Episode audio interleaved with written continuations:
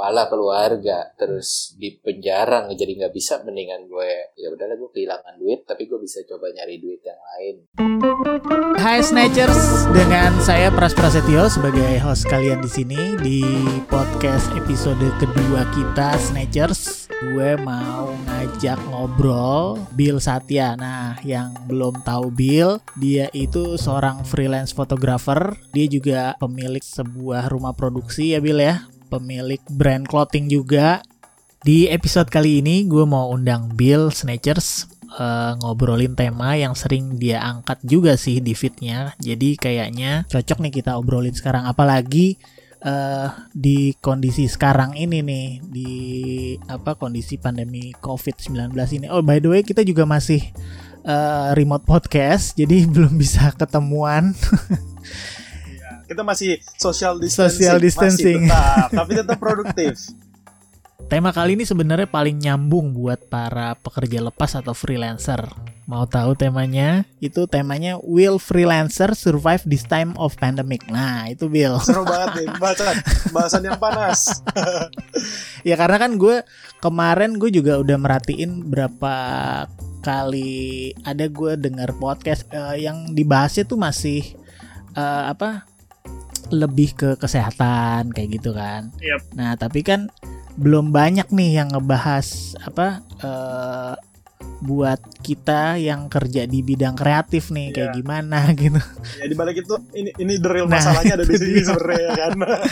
nah, nah ini sesinya bakalan gue bagi. Jadi mungkin gue pertama bakalan uh, ke personalnya Bill dulu aja nih gitu. Nah, ini jadi uh, sebenarnya lo bisa ceritain sedikit Bill. Maksudnya lo bisa berada sekarang di sini tuh gimana gitu bisa nggak? Prosesnya ya. Ah, jadi prosesnya. Um, gua mulai dunia fotografi itu dari sekitar tahun 2010 nah jadi sebelum 2010 itu gua malah startnya tuh desain grafis dulu mas. Oh, Jadi gue okay. tuh gambar dulu. Dari SMA tuh gue udah nyari duit sendiri kayak bikin-bikin cover album terus uh, ya pokoknya gue gambar-gambarin buat clothing lah segala macem tuh hmm. semuanya gue gua lakuin lah untuk untuk nyari duit pada zaman SMA kan ah gimana sih caranya gue harus uh, apa namanya uh, nyari uang nyari uang hmm. sendiri gitu buat hmm. buat gue gitu nah, akhirnya dari sana di 2010 gue diracunin lah untuk nyobain kamera sama temen gue akhirnya okay. awalnya cuma jalan cuma as hobi aja sih kayak ya gue seneng aja mau thread gitu kan kayak gue dapat hal baru nih daripada gue gambar sebelumnya gitu nah akhirnya makin ke sini makin ke sini gue kayak seperti men-challenge lah diri gue kayak apa namanya uh, bisa nggak sih apa yang lo suka ini bisa jadi sesuatu untuk hidup lo gitu oke okay. nah berpikirlah gue setelah pertanyaan itu muncul dari dalam diri gue sendiri gitu kan hmm. gue harus bikin apa ya gitu nah pada saat itu trennya itu adalah orang-orang tuh lagi suka banget bikin foto-foto bagus buat diposting di Facebook. Uh, Pada kita... zaman itu Facebook masih jadi rajanya lah. Jadi semua orang uh, nge-share di sana foto-fotonya. Pokoknya bikin foto bagus buat ditampilin tuh jadi profile picture gitu-gitu. Oke. Okay. Eh, by the way sorry gue potong bentar. Ini uh, lo masih tinggal sama orang tua lo waktu itu atau? Waktu itu jadi kebetulan waktu SMA tuh gue uh, tinggalnya nggak di Jakarta sebenarnya mas. Jadi gue hmm. tetap gue asli Jakarta tapi sampai SMA kelas eh, SMA kelas 1 di pertengahan tuh gue pindah keluar kota karena nyokap gue sakit harus dirawat di Bandung saat itu. Nah gue tinggal di Indramayu di Cirebon. Oke okay, gitu. oke. Okay. Hmm. Nah pada saat itu gue ngerasa kayak wah ini kayaknya ada opportunity yang bisa gue kulik nih dari sini nih gitu hmm, bikinlah okay. gue uh, terpikir untuk bikin jasa fotografi yang uh, marketnya adalah individual individual group semuanya gue sikat saat itu Hmm. Jadi gue nawarin target market gue itu saat itu adalah adik-adik kelas gue karena ya paling deket di circle gue adalah adik kelas gue kan yeah, atau ya. teman-teman yeah. sepermainan lah. Gue tawarin lah eh photoshoot sama gue uh, dalam sesi 3 jam waktu itu bayaran gue cuman kayak gue minta 150 ribu itu udah termasuk gue edit udah termasuk gue kasih CD udah gue print. Hmm, yang penting branding dulu lah ya, ya gitu ya. pada saat itu gue mau gimana caranya gue menantang diri gue dan bisa merealisasikan jadi sesuatu dulu gitu. Ya ya uh. nah akhirnya di luar di luar ekspektasi gue dalam satu minggu gue mau trade empat kali mas Oke. Jadi efeknya ketika satu orang happy dengan hasil fotonya, mereka share di Facebook segala macam, mereka nanya dong, lu foto sama siapa segala macam, terus habis itu jadi kayak domino efek itu. Akhirnya Iya, teman-temannya mau lagi, lama-lama foto grup, lama-lama eh, foto orang tunangan apa segala macam. Ya Hmm. dari situ akhirnya gua rasa eh, ini bisa bisa bisa jadi em, apa ya? Bisa jadi sesuatu juga buat hidup gua. Akhirnya gua gali lebih dalam terus mulailah tuh di 2015 gue udah mulai uh, motretin brand karena gue dari dulu memang interestingnya sama brand sih sebenarnya mas Oke, dari ya. I- awal dari awal sebelum gue motret pun gue juga kayak gue gue senang banget memperhatikan brand gimana brand itu berkembang ya kayak gitu gitulah Jadi ini eh apa pekerjaan lo ini sebenarnya eh, lo rencanakan di depan atau memang nggak sengaja aja gitu? Kan freelance tuh banyak ada yang nggak sengaja jadinya ya udah keterusan nih karena dia suka apa yang dia kerjain. Karena yang tadi lo bilang ini domino efek jadinya ya udah dari mulut ke mulut langsung kasih tahu oh ini eh, kualitasnya begini nih bagus nih. Pakai aja nih misalnya kayak gitu kan. Misalnya fotografer kan. Atau memang yang eh, di awal memang lo eh, lo siapin yang yang kayak tadi lo bilang lo siapin gear lo terus lo coba jual atau lo coba eh, share ke teman-teman lo "Ah, siapa yang mau motret nih? Gitu. Itu kayak gimana? Ya sebenarnya dua-duanya itu menurut gue digabung jadi satu. Secara nggak sengaja iya tapi Hmm. di satu sisi juga gue mempersiapkan karena dari dulu ketika ditanya lu tuh mau jadi apa? Gitu. Pertama jawaban gue gue mau banget jadi entrepreneur gue pengen jadi jadi orang jadi pengusaha gitu gue pengen banget. Nah terus satu sisi selain itu gue pengen banget kerja di dunia kreatif. Dari dulu tuh emang jawaban gue udah seperti itu cuman belum spesifik kan. Karena gue masih belum Iya. tahu pada saat itu kayak eh, dunia apa sih yang gue interesting gitu. Dunia kreatif kan luas gitu kan. Gue bisa apa gitu. Ya di perjalanan itu nggak secara tidak sengaja ternyata fotografi yang gue pilih gitu loh mas. Hmm, oke oke.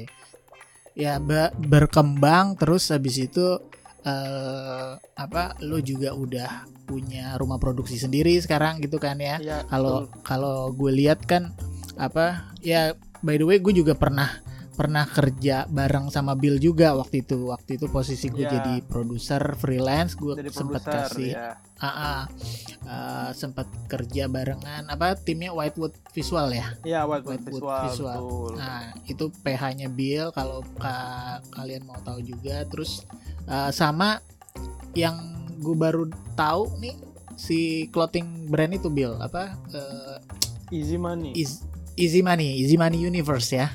Betul Nah, itu itu boleh lo cerita nggak uh, akhirnya lo punya dua dua sumber penghasilan lain nih gitu di sini.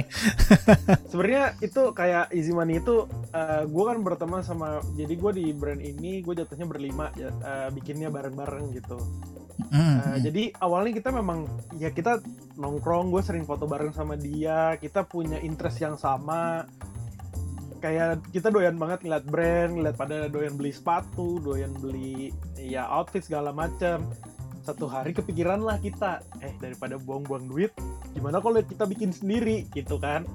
Ya Oke. pertama bisa branding juga diri sendiri terus juga kita bisa bikin sesuatu yang keren dan bisa orang nikmatin juga orang banyak gitu. Itu juga kayak di luar prediksi juga bikinnya kayak yuk bikin aja udah iseng-iseng awalnya iseng-iseng cuman lama-lama oh ini nggak bisa iseng-iseng ini serius jadinya gitu Ya, udah berapa lama tuh Bill? Si ini, si Ah. apa Whitewood Visual ya?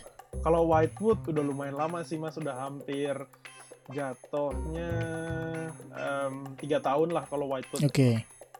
kalau yang masih baby ya easy money aja easy money belum sampai setahun mas mungkin masih lima bulan atau enam bulanan kali ya Mm. Clothingnya lebih ke clothing apa nih? Eh, Kalau kita sih sebenarnya eh, lebih banyak ke ya lebih ke t-shirt, lebih ke jaket. Cuman memang in the future kita mau provide head to toe. Jadi semuanya dari ya dari topi, dari baju, dari jaket, dari celana, dari sepatu bahkan kalau bisa gitu. Oke. Mimpinya sih sampai Nah. sana gitu.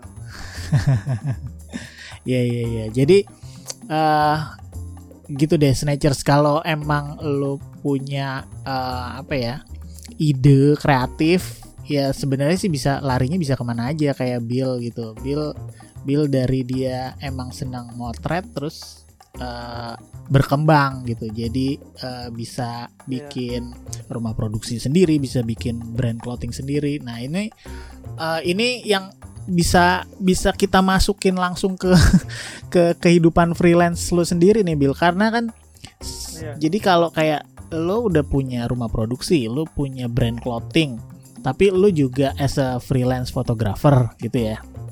Iya. Nah, ini kan kalau gue lihat jadi kayak lo punya banyak sumber sumber cash flow lo gitu ya. Maksudnya dari situ tapi kan sekarang kondisinya si let's say rumah produksi sama brand clothing lo ini nih gitu. Rumah produksi Ya. lo eh, punya karyawan ya nggak sih gitu kan. Iya, betul. Nah, ini yang perlu di di apa dikasih gaji atau dikasih apa uh, insentif lah ya maksudnya gitu. Nah, Ya. si brand clothing juga begitu. Gue juga dulu sempat main clothing udah lama juga sih. Eh, kan kita punya PO untuk produksi kapan, Iya, Nah, kan? buat ya naik ke produksi. naik ke produksi gitu, ya. kan. Terus abis itu apalagi sekarang nih udah mau lebaran kan pasti ngejar Lebaran. ngejar produksi banget gitu kan. Tapi kon Karena sebenarnya cuannya ada di lebaran itu Iya, memang. gitu. nah, itu itu kan langsung dihadepin sama COVID-19 langsung buyar tuh gitu kan. Iya, semuanya buyar. Langsung buyar tuh. Nah, itu rasanya di rumah berminggu-minggu tuh kayak gimana tuh? Karena- Karena kan kalau gue lihat nih di feed lo tuh kayaknya aktivitas lo sekarang banyak eh, ngegambar gitu kan, Bill? Gitu kan. Iya, nah, betul. itu hubungannya dengan si PH lo ini terus sama si clothing lo ini gimana nih? Jadi kalau misalnya lu tanya gimana rasanya, Mm-mm. seminggu pertama gue super stres berat sih dalam artian ya biasanya gue keluar, biasanya gue ketemu orang, biasanya kayak gue uh, bangun tuh gue udah tahu oh gue abis ini mau ke sini ke sini ke sini ini gue harus ngapain harus ngapain. Sekarang kayak repeat aja bangun makan sholat tidur gitu-gitu terus jadi kayak. Waduh, berat juga sih. Cuman eh, akhirnya gue kayak apa namanya mencoba membalik situasi lah. Kalau misalnya kita Ya. terlalu mikir hal-hal yang kayak gitu terus, efeknya banyak banget. Pertama kayak lu jadi stres, terus badan lu juga kesehatan lu mau mau makin turun karena lu stres mikirin itu kan. Pasti, Akhirnya gue nyari lah hal-hal yang kira-kira lebih positif lah untuk gue lakukan. Jadi setidaknya bisa ngurangin rasa bosan gue. Nah terus kalau tadi lu nanya gimana em, apa namanya eh, PH sama brand gitu. Nah PH Iya, dulu nih, ha-ha. PH ini ya sebenarnya cukup berat sih. Beratnya dalam artian em, karena banyak banget project yang harus dipospon. Ya, Yang harusnya oke. sudah jalan ya gitu, harusnya udah jalan. Cuman gue punya strategi sendiri kalau misalnya di PH memang kita sebisa mungkin punya namanya emergency cash jatuhnya gitu. Kayak emergency Hmm, uang ya. emergency gitu. Andai Ya. kata kejadian seperti ini, itu gue belajar banget karena dulu gue pernah juga ngalamin kayak gini. Yang tiba-tiba sepi lah, tiba-tiba kan kita nggak pernah tahu nggak bisa predik ke depannya tuh eh, situasi akan seperti apa apakah akan seperti ini terus apakah Iya, betul. akan membaik atau gimana kan kita juga nggak bisa tahu setidaknya eh, setiap produksi pasti gua memotong untuk emergency eh, uang uang emergency itu di Hmm, oke. PH jadi tiba-tiba ada begini kita masih punya backup setidaknya berapa bulan ke depan berapa bulan lah ke depan gitu anggaplah Iya. dua bulan ke depan kita masih bisa untuk cover up itu dulu Oke. karena namanya Itu kan kan jatuhnya PH juga jatuhnya lebih ke freelance kan kita nggak pernah tahu besok ada project atau tidak gitu Ya, oke. Oh, jadi eh, si PH lo ini eh, untuk si in-house sendiri emang nggak ada orang in-house yang in-house- yang kalau in-house per bulan digaji. Ha, cuma berempat doang sih sebenarnya kita Oke. sisanya yang lain tuh cabutan per project jadi ya setidaknya masih bisa ke cover lah kalau kita berempat tuh Hmm, oke. Iya, sama si clothing juga kayak gitu ya. Maksudnya nah kalau Ah. kalau clothing sih kan kebetulan sebelum kejadian ini eh, kita udah udah sempat rilis ada beberapa artikel jadi hmm, ya hmm, sebenarnya harusnya pada bulan ini tuh udah ada rilisan baru udah udah Ya. harus keluar lah udah launching. Dan harusnya launching di event gitu. Dan eventnya ternyata bubar semua. Jadi kita nggak bisa launching di sana dan produksinya juga mandek. Karena ya dari orang produksinya juga nggak menyanggupi. Ya dari mereka Iya. juga bubar gitu kan. Betul, ya betul. akhirnya kita mau nggak mau push em, yang namanya brand yang gue pelajarin nggak melulu harus hard selling jualan terus. Ya mungkin kita karena gue masih punya stok yang sebelumnya baru rilis jadi gue push ke sana dulu aja. Ya Hmm, hmm. uh, tetap aja promotin tapi gue bikin campaign yang lebih um, apa namanya relate sama situasi sekarang. Jadi kayak mungkin kalau misalnya Mas bisa lihat di feednya kayak Easy Money gue selalu nge-campaignin Yeah. juga tentang si covid tentang bagaimana lo stay at home kayak gitu-gitu sih. Soalnya kalau dipikirin pasti pusing banget sih. Waduh gimana nih? Ya karena sekarang kalau dipikir secara realistis ya sebagai kita kita nih apalagi gitu yang orang kreatif sekarang gue mendingan saving duit gue buat bertahan hidup buat beli makan daripada gue beli barang gitu Iya dong. pasti. Ya ini, nah ini ber- berlaku sama eh, lo as a freelance photographer nih.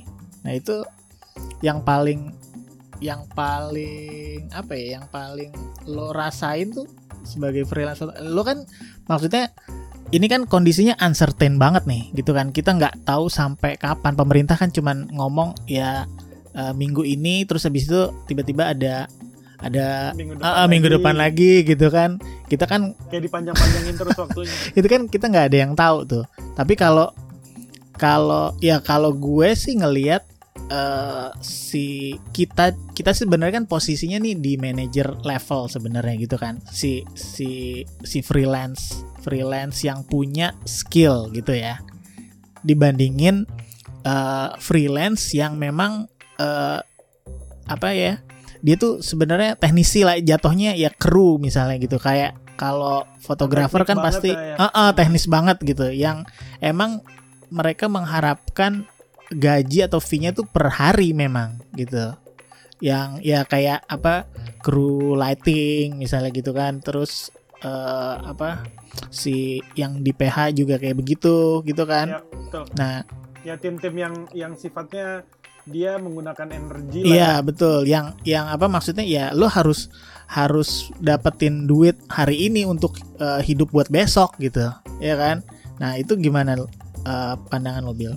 kalau gue sih sebenarnya gini mas semua kerjaan mah resikonya sama sebenarnya Hmm. resikonya dalam artian ya setiap orang bisa uh, kerjanya apa pun cukup nggak ya cukup nggak cukup sebenarnya tergantung dari kitanya sih baik lagi kayak misalnya kemarin gue sempet diskusi sama teman-teman gue kayak duh gue pusing banget nggak punya duit bla bla segala macam nah kalau gue pandangan gue adalah ya setiap orang mungkin punya lot rezekinya beda-beda lah ya Mm-mm. cuman gimana caranya kita bisa memanage itu semua apalagi freelance Ya.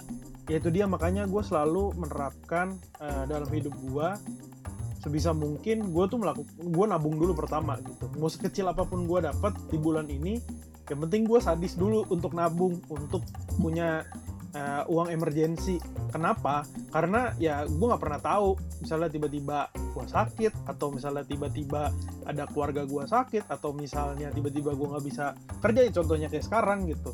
Itu gue nggak akan pusing lagi. Sebenarnya itu tinggal tergantung dari em, kitanya sendiri gimana caranya ngatur gitu.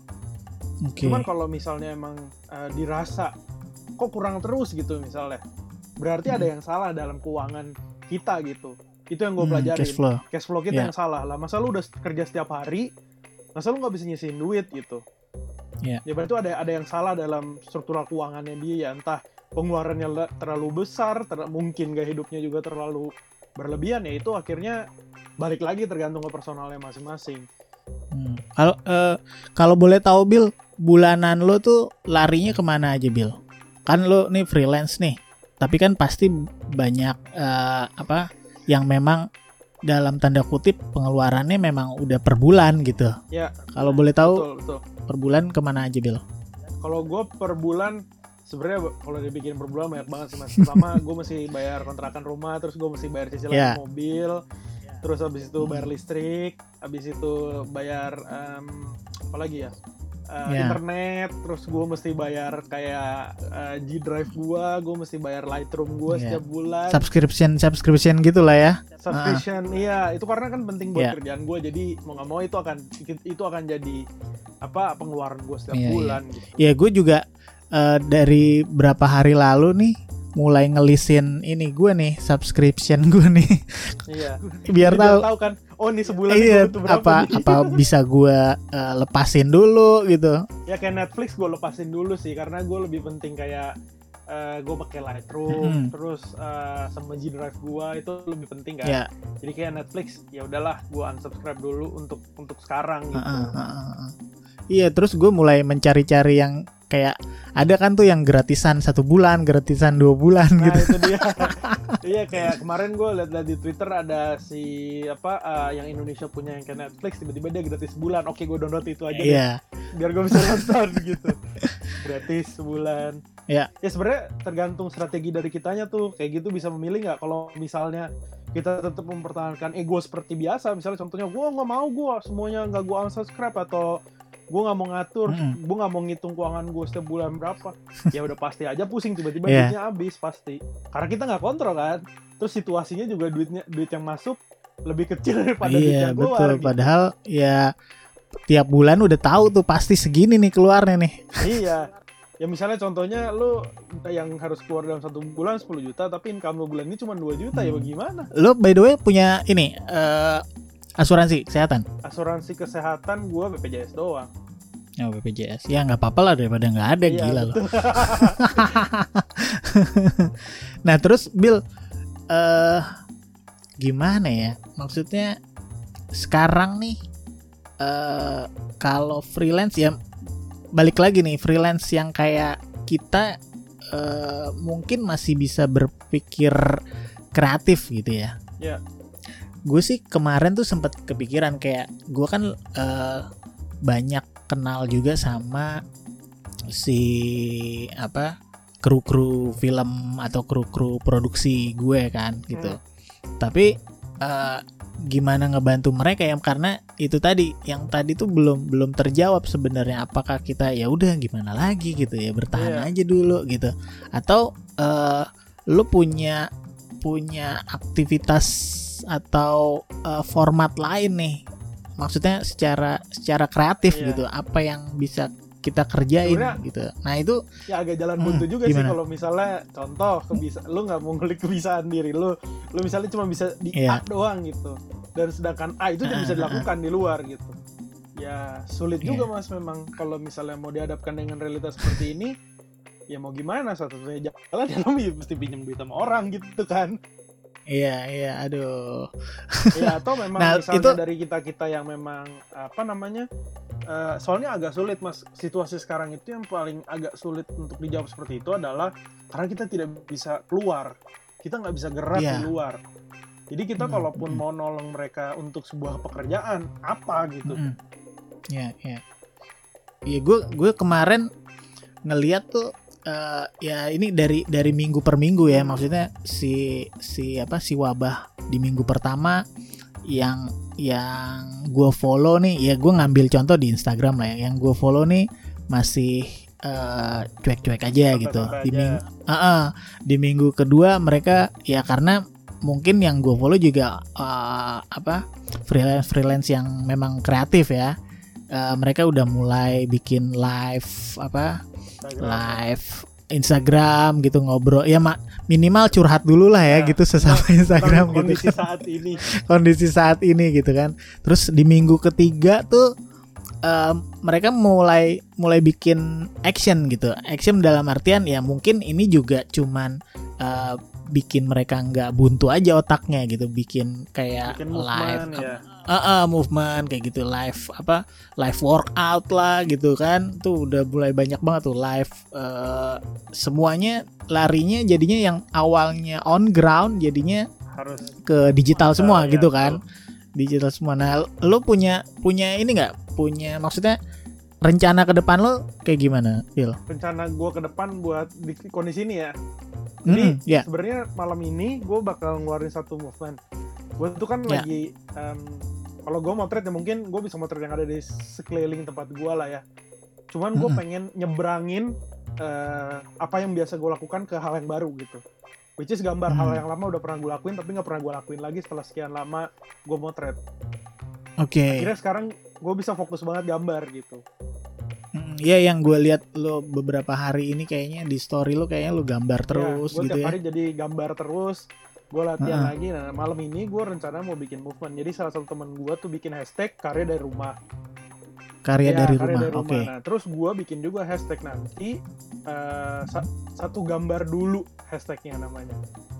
Jadi Oke. setiap hari gue akan ngajak teman-teman gue yang skilling yang mau-mau aja untuk bikin Ah. satu gambar. Ya terserah mau gambarnya Oke. apa aja yang penting nanti setiap jam 8 malam kita bakal upload di story bareng-bareng gitu. Ya sebenarnya tujuan Oke. gue ngajak movement itu pertama biar otak kita tetap produktif, tetap mikir gitu, tetap kayak wah seru ya, gue bisa bisa tetap keep in touch sama teman-teman, bisa tetap diskusi, bisa tetap kayak bikin karya gitu. Jadi lu nggak buntu nggak nggak ada alasan gue ngapa-ngapain hari ini kan lu punya tanggungan tuh ntar jam 8 malam lu harus upload uh, karya lu gitu. Mm-mm, terus gue juga kemarin sempat bikin Feels and Capture Challenge. Kan orang-orang lagi pada bikin challenge tuh di story yang uh, foto BW lah foto apa segala macam nah gue punya hashtag project namanya Feels and Capture. Nah kemarin tuh gue bikin. Oke, ya kemarin gue juga sempat lihat tuh lo mulai apa eh, restory teman-teman Ya. yang pakai hashtag itu ya. betul. Hmm, Oke. Nah tapi itu kan balik lagi Bill itu kan buat eh, memenuhi kebutuhan apa ya maksudnya hasrat eh, kreativitas lo Ya, gitu betul. Bill. Tapi kalau memenuhi kebutuhan cash flow rumah tuh seperti apa Bill? ya kalau nih yang gue nggak eh, maksudnya eh, sebisa ya mungkin sekarang rata-rata kalau fotografer antara Ya. yang bisa dilakukan ya kemarin gue tuh sempat berpikir kalau misalnya ini akan kayak gini terus apa nih yang harus gue lakukan untuk tetap dapat duit gitu pertama Hmm, hmm, hmm. antara gue jual foto dis- Ya. ya, jual jual foto print Oke, tips pertama ya. tips pertama gue bisa jual foto print kedua gue bisa jual preset Jual Oke. preset eh, untuk orang-orang terus yang ketiga gue bikin kelas online Oke, jadinya ya eh, maksudnya ini bisa sebenarnya bisa bisa bisa berkesinambungan sama ini lo ya. Maksudnya ya lo nggak perlu terlalu eh, musingin itu karena itu udah udah bisa berdiri sendiri. Itu jadi kayak eh, apa pendapatan pasif income lo kalau gitu ya. Iya, Betul. Jadi makanya Oke, kayak gue ya, bisa bikin kelas online aja gitu. Hmm, hmm, hmm, hmm. Oke, ya. Ini kita juga eh, di Light Nature Festival juga mulai apa ya? Awalnya kan memang banyak acara di M Block Iya, kan, karena emang Padahal pengen kita kan emang dateng. Ekspektasi gue tuh kayak asik, gue udah punya acara nih. Terus tiba-tiba Iya. oke nggak jadi semua. iya kemarin gue juga ngobrol sama Mira tuh, Mir eh, apa?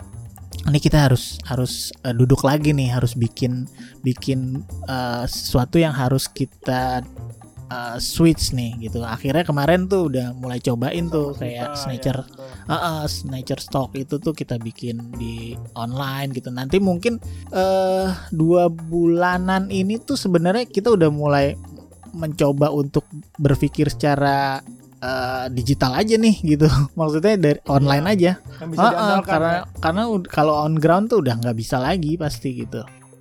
ya presidennya susah. Terus juga tiap orang juga punya Iya. masing-masing. mau keluar atau Iya, enggak, kan? daripada daripada tambah stres ya mungkin kita eh, bisa undang sebenarnya nanti gue coba coba hmm, Rory Rory Syarif itu dia juga komite eh, LSF juga nanti coba gue undang dia bisa ngobrol juga di sini nggak Eh, karena dia dia itu salah satu pemilik eh, PH juga tapi ini lebih ke production house buat TV komersil Nah, ya Itu dia, itu lebih seru tuh ditanya. Ah, Gimana mas bisa produksi nggak? Sebenarnya Iya. kalau misalnya ya gue nggak tahu ya apakah masih bisa atau enggak. Kalau misalnya produksi gitu ya, kalau misalnya seandainya kita bikin di studio, Mm-mm, sebenarnya mm-mm. menurut gue masih possible aja untuk dilakukan asal pengurangan krunya ada. Jadi orangnya tuh nggak gerumbungan rame banget di situ gitu. Oke. Cuman, ya, ya, itu bisa Ya, juga itu sih. Maksudnya kan Ah, karena kita tidak di tempat umum dan di apa namanya di dalam studio. Terus juga standarnya uh, syutingnya semuanya harus higienis. Dalam artian kita nyediain masker, kita sediain uh, penutup tangan yang dari plastik itu, bukan yang karet loh ya, yang plastik, yang plastik kayak orang Mm-mm. buat makan itu. Terus sama hand sanitizer. Terus juga orang keluar masuknya kan kalau krunya berkurang mau nggak mau lebih terpantau gitu kan. Terpantau ya, Nah, betul. Terus tetap jaga social distancing aja waktu syuting gitu. Hmm. Iya, iya. Ya, ini gue baru WhatsApp Rory nih. Dia masih ada finalizing brief dari agensi 10 menit lagi bisa bisa bisa bisa. Iya. Terus lo lo udah berkeluarga Bill? Udah mas, kebetulan istri gue lagi hamil dan mau lahiran. Jadi gue dekannya dua kali lipat sebenarnya. Buset, aduh. Gila. Nih eh, udah bulan keberapa? Ini udah bulan ke masuk ke 8 Wih, bentar lagi bulan Nah, lebaran iya, dong. Lebaran. leb- sebelum lebaran harusnya. Buset. Bisa kan lo bayangkan Gila ya. situasi seperti ini? Yoi, gokil loh. Dulu gue bini gue lahiran anak pertama, ya gue juga sebenarnya eh, berangkat dari awal, maksudnya merangkak juga sih sebenarnya. Jadi kayak Iya. hamil bini pertama masih naik motor tuh ke dokter. Wah gila. Sama gue juga masih naik motor. Terus habis itu akhirnya gue paksain nih kayaknya gue harus punya apa mesti punya mobil nih. Jadi gue nggak tahu ya mungkin berkah berkah anak pertama juga kali. Jadi kayak dapetin sebelum eh, apa sebelum lahiran tuh kayak dapetin job eh, lumayan gede terus akhirnya gue DP-in aja langsung tuh fee gue DP mobil waduh gila terus Bill eh tadi kan lu sempat bilang eh, movement. Nah movement movement lu tadi bakalan lebih ke ini ya lebih ke gambar ya kalau gitu ya lebih ke visual visualnya lebih ke gambar. Nah itu selain bikin engagement itu kan istilahnya kan ah, bakalan bikin engage semua teman-teman kita kan gitu. Akan ada ini nggak? Maksudnya kayak sekarang kan kalau lo Ya. lihat di berita tuh banyak banget nih kayak kita butuh APD butuh apa eh, ya istilahnya buat ngebantuin teman-teman Hmm. eh, yang lain gitu itu bakalan bakalan ada lari ke sana nggak sih maksudnya kayak ada penyaluran eh, dana dari yang apa yang akan lo kerjain nanti gitu Gua sih eh, jujur aja gua kepikiran banget untuk melakukan hal itu juga. Cuman gue masih meramu kira-kira apa yang bisa gua eh, apa namanya Hmm. eh, kasih dan apa Hmm, juga yang bisa oke. orang dapetin. Nah, kalau kalau plan gue pertama ini mungkin yang dari gambar eh, satu gambar dulu ini kemungkinan gue akan kurasiin berapa orang yang eh, gambar bareng sama gue nantinya. Mungkin fotonya itu bakal gue frame dan Oke. bakal gue lelang. Terus kedua, gue juga bakal jual foto print yang gue punya, foto hasil foto gue gitu. oke Kemungkinan juga soalnya gue lagi bikin em, apa ya dari gambar gue itu jadi gue pengen ngerespon foto gue oke dengan gambar gue gitu loh.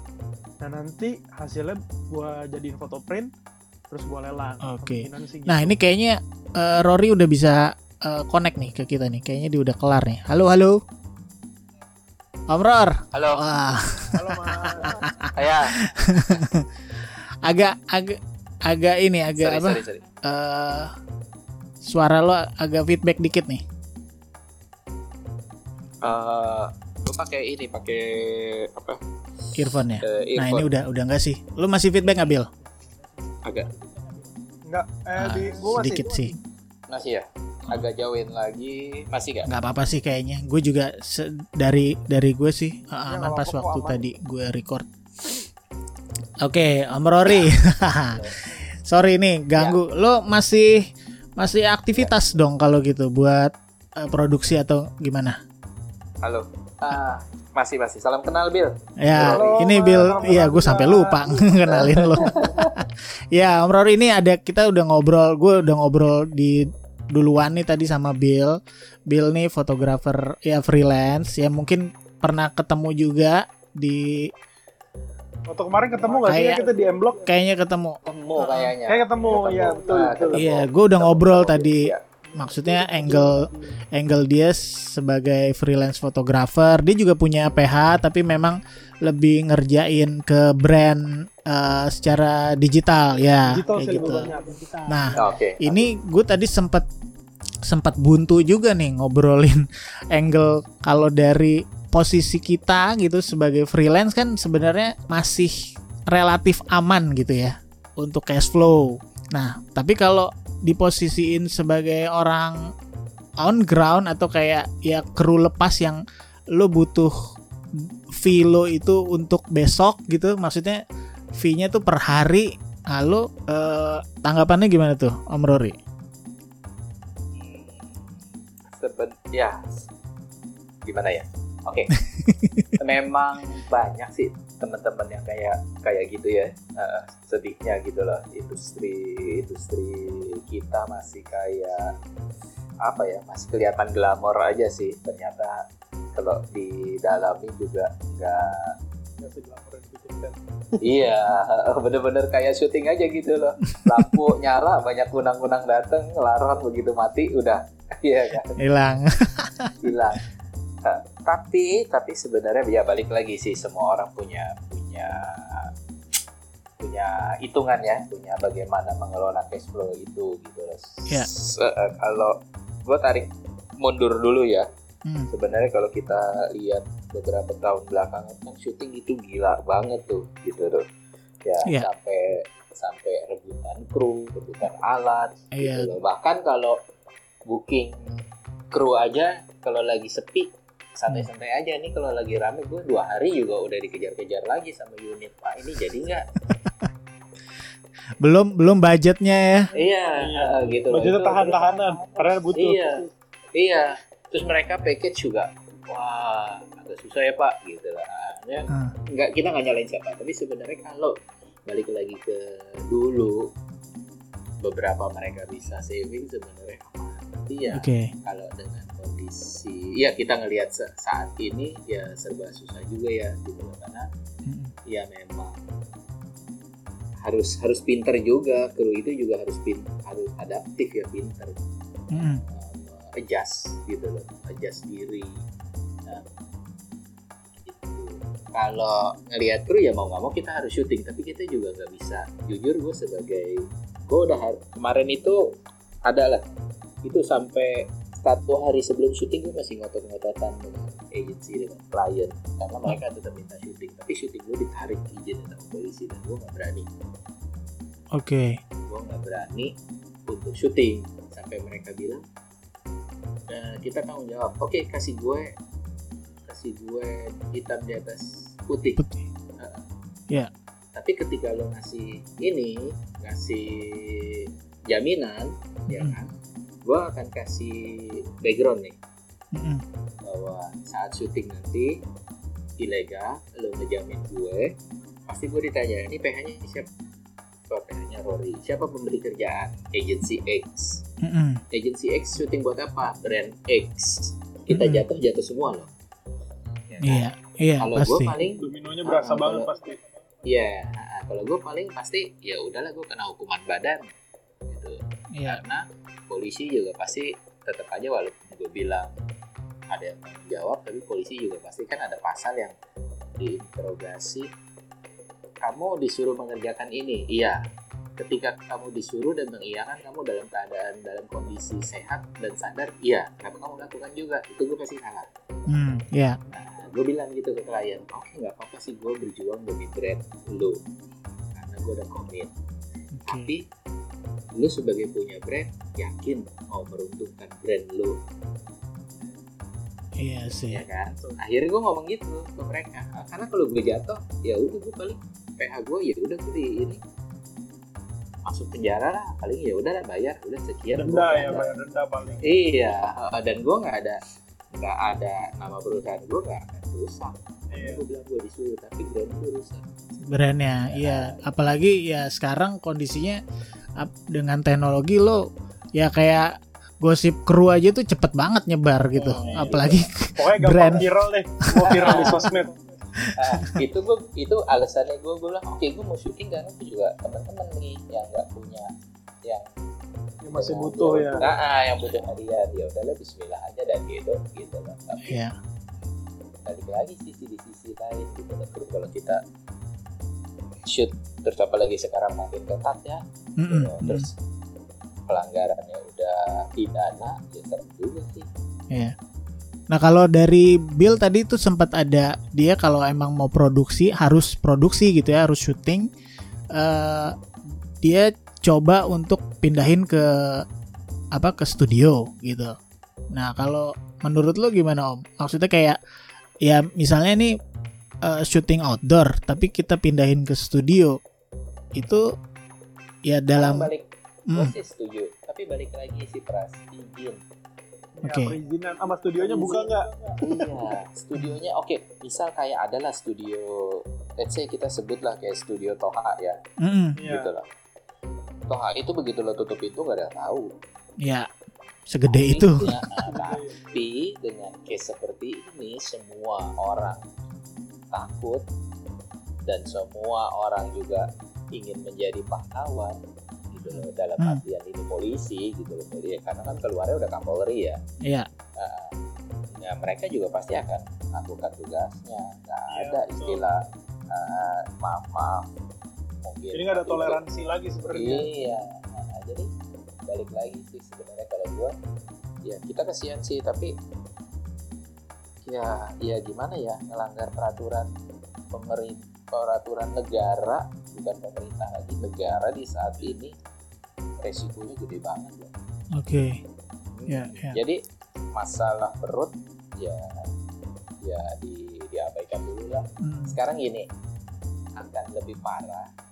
Gue bilang nanti kalau gue juga bilang sama teman-teman, gue akan mau syuting sih, tapi akan lebih parah ketika lu shoot ya kan mm-mm. terus lu ditangkap lu di penjara di dalam penjaranya itu lu justru nggak tahu dengan siapa Iya, betul. Malah makin susah hidupnya jadi jatuhnya. Iya. sakit lagi misalnya. Aduh. karena gue jujur masih ada ada ada ada syuting sih ada utang syuting tapi gue juga bilang ke mereka ya udahlah kita Iya. kita lihat nah ah, kita lihat kalau memang pada saat ini masih bulan depan nih kalau Hmm. dimundurin udah dimundurin tapi gue bilang lihat izin ya gitu loh kalau secara rugi sih pasti gue udah rugi lah tapi itu Iya. berbisnis ya kan untung kan kita rugi tapi ah, tapi kalau akhirnya gue sebagai sebagai kepala keluarga Iya. terus di penjara nggak jadi nggak bisa mendingan gue ya udah gue kehilangan duit tapi gue bisa coba nyari duit yang lain gitu. Kalau dari PH lu sendiri gimana, Om? Eh, kita balik lagi tadi ya kayak gue bilang. Eh, kita balik lagi. Kalau pemerintah memberikan izin kita syuting. Hmm. dengan dengan syarat-syarat ya kayak bangsa gue kita kemarin syuting buat Indofood gitu loh. Tapi ya kita keluarkan uang lebih lah kayak bangsa ada ambulans standby. Oke. kan terus ada tenaga medis di situ ada suster terus ada ada ada apa sih pakai suhu badan juga Iya. itu yang datang nggak begitu nggak suhu badan ya udah ada beberapa orang yang kita pulangin kita bayar fee nya dia gitu loh Hmm, tetap aja keselamatan semuanya Oke. Tuh. Iya, iya, iya. Nah, kalau gue sih balik lagi ya bahwa bahwa ya udah yuk coba kita kreatif coba Hmm. kita ada ini sama sih pras kalau gue ngelihat kayak dulu kita ribut kan zamannya peralihan dari syuting seluloid menjadi digital kan Iya, betul. Ya betul. ya kan tuh. itu semua oh, tuh, wah itu nggak bisa gitu loh Oh, yang katanya eh, 6 6D ya eh, Iya. Canon. Ah, yang kita syuting oh bisa nih bisa yang katanya ya gue nyoba syuting terus akhirnya kameranya dibungkus pakai anduk anduk anduk di Anduk ditutupin. anduk anduk basah gitu Anduk loh. Ya, basah. memang bisa akhirnya kita bisa pasti kita orang Indonesia bisa nemuin celah gitu loh tapi kalau memang belum bisa syuting Iya. karena nggak dikasih izin sama polisi ya udah susah deh kalau urusan sama polisi dan polisi Ya kalau misalnya juga- izinnya kita ilegal juga kreatif kita jadi ketutup nggak sih mas? Udah bawaannya worry Iya. aja. iya Jadi kayak misalnya mau ambil angle lain, ah, takut jadi biar cepet aja biar cepet jadinya gitu. Ah, dan dan inget juga sih kita misal di studio nih. Ada di sekeliling studio orang yang nggak butuh duit kan yang butuh kenyamanan pasti dia akan bilang itu ada kumpulan-kumpulan pak Iya, langsung laporan tuh. Nah, apalagi kasus ya maaf maaf kemarin Iya, iya ya, gue lihat tuh ceritanya. iya Waduh. ya nggak bener juga sih kalau gue sih Iya. Padahal Kalau kemarin- padahal maksudnya sih nggak kayak gitu, tapi dilihat kelihatannya jadi point of view dari orang lainnya jadi Ah, gitu. ah, iya. Nah, tapi soal itu juga di di perumahan. Kalau gua ngelihat ini kan gue tinggal di perumahan juga. Mm-mm. Kalau gua ngeliat tetangga gue kayak gitu, gue juga pasti akan aduh si kepolisiannya apa apaan Eh, eh, Oke. berkerumun eh, di, di di di lingkungan gue terus bukan orang-orang yang gue nggak kenal latar belakangnya. Itu, itu sih dan kita kemarin meeting semuanya mengedepankan keselamatan sih. Oke, jadi eh, dalam tanda kutip kita semuanya sekarang eh, stay dulu aja di rumah gitu ya. Terus menunggu kondisi yang memang lebih baik. Terus kalau emang emang punya kreativitas yang bisa kita share, kita bagi kayak Bill, Bill juga udah punya mau mau ada movement Iya. katanya. Terus ya kalau gue as a, dalam tanda kutip juga pekerja day to day Iya. sebenarnya juga memang harus punya apa ya? Punya saving dulu sebenarnya gitu kan. Betul. Iya. Kalau Gitu. kalau gue boleh nambahin satu lagi sih mas, Ya. kita harus belajar sih dengan kejadian ini. Mm-mm. Ketika kita dapat satu kesempatan lagi semuanya lewat, Mm. make sure manage keuangan yang bener banget deh. Betul. Oke. Punya emergency, punya uang emergency itu penting banget. Ya. Karena kita kan nggak tahu kan tiba-tiba kondisinya setelah dilepas terus tiba-tiba oke nggak bisa lagi gitu. Ya istilahnya kita udah Iya. punya eh, jaga-jaga lah. Gitu. Iya. Kalau dari Morori ada yang mau ditambahin nggak Morori? gue balik lagi sih pasti ini ini selain usaha kita juga pasti ada ya udahlah ada Tuhan yang yang yang pasti ngebantu sih Ya itu itu udah itu harus banget kita percaya gitu. iya Ya, balik lagi sih iya. karena ini pen- penyakit ini juga diturunin sama dia dia juga pasti punya maksud tapi dia juga gak akan ngebinasain semuanya Iya, betul. yang penting kita sehat pikir Oke, Snatchers, sekian dulu podcast Snatchercast kali ini. Terima kasih sudah dengerin podcast episode kali ini. Kalau ada kritik, saran, komentar apa pun dari kalian, boleh dikirim ke email saya ke pras, P-R-A-S-S, at lightsnatchers.id atau kirim komentar bisa juga DM ke Instagram LSF di at lightsnatcherfest. Oke? Jangan lupa tag selalu foto atau video kalian dengan hashtag semua bisa mencipta. Keep snatch, see you around. Thank you Om Rory. thank you. Bye Bill. keep snatch and keep creative Iya.